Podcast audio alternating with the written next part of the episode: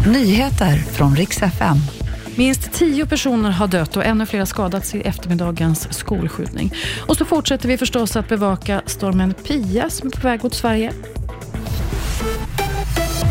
Vi ska börja med skottlossningen vid Karlsuniversitetet i Prag där flera personer har dött och skadats. Polisen larmades vid 15-tiden i eftermiddags och eh, universitetet spärrades av och området runt omkring. En halvtimme senare så uppgav dock tjeckisk polis att skytten nu är eliminerad och universitetet håller på att evakueras.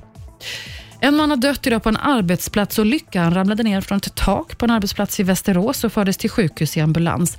Men hans liv gick inte att rädda och en anmälan har nu upprättats som vållande till annans död. Men bara timmar senare kommer ytterligare rapporter från Malmö om en till arbetsplatsolycka. Här är en man som har ramlat från hög höjd. Skadeläget är oklart. Mannen har förts till sjukhus. Och det ska handla om stormen Pia som är på väg in mot Sverige. Det har dragit in redan över Norge och Danmark och väntas sen nå västkusten. Kraftiga vindar i södra Skåne framförallt. Jultrafiken väntas få det besvärligt i dagarna och det här rör sig upp mot Gävle imorgon. Kraftiga vindar och delar av E4 väntas helt snöa igen. SMHI uppmanar alla som kan att inte bege sig ut i den här trafiken.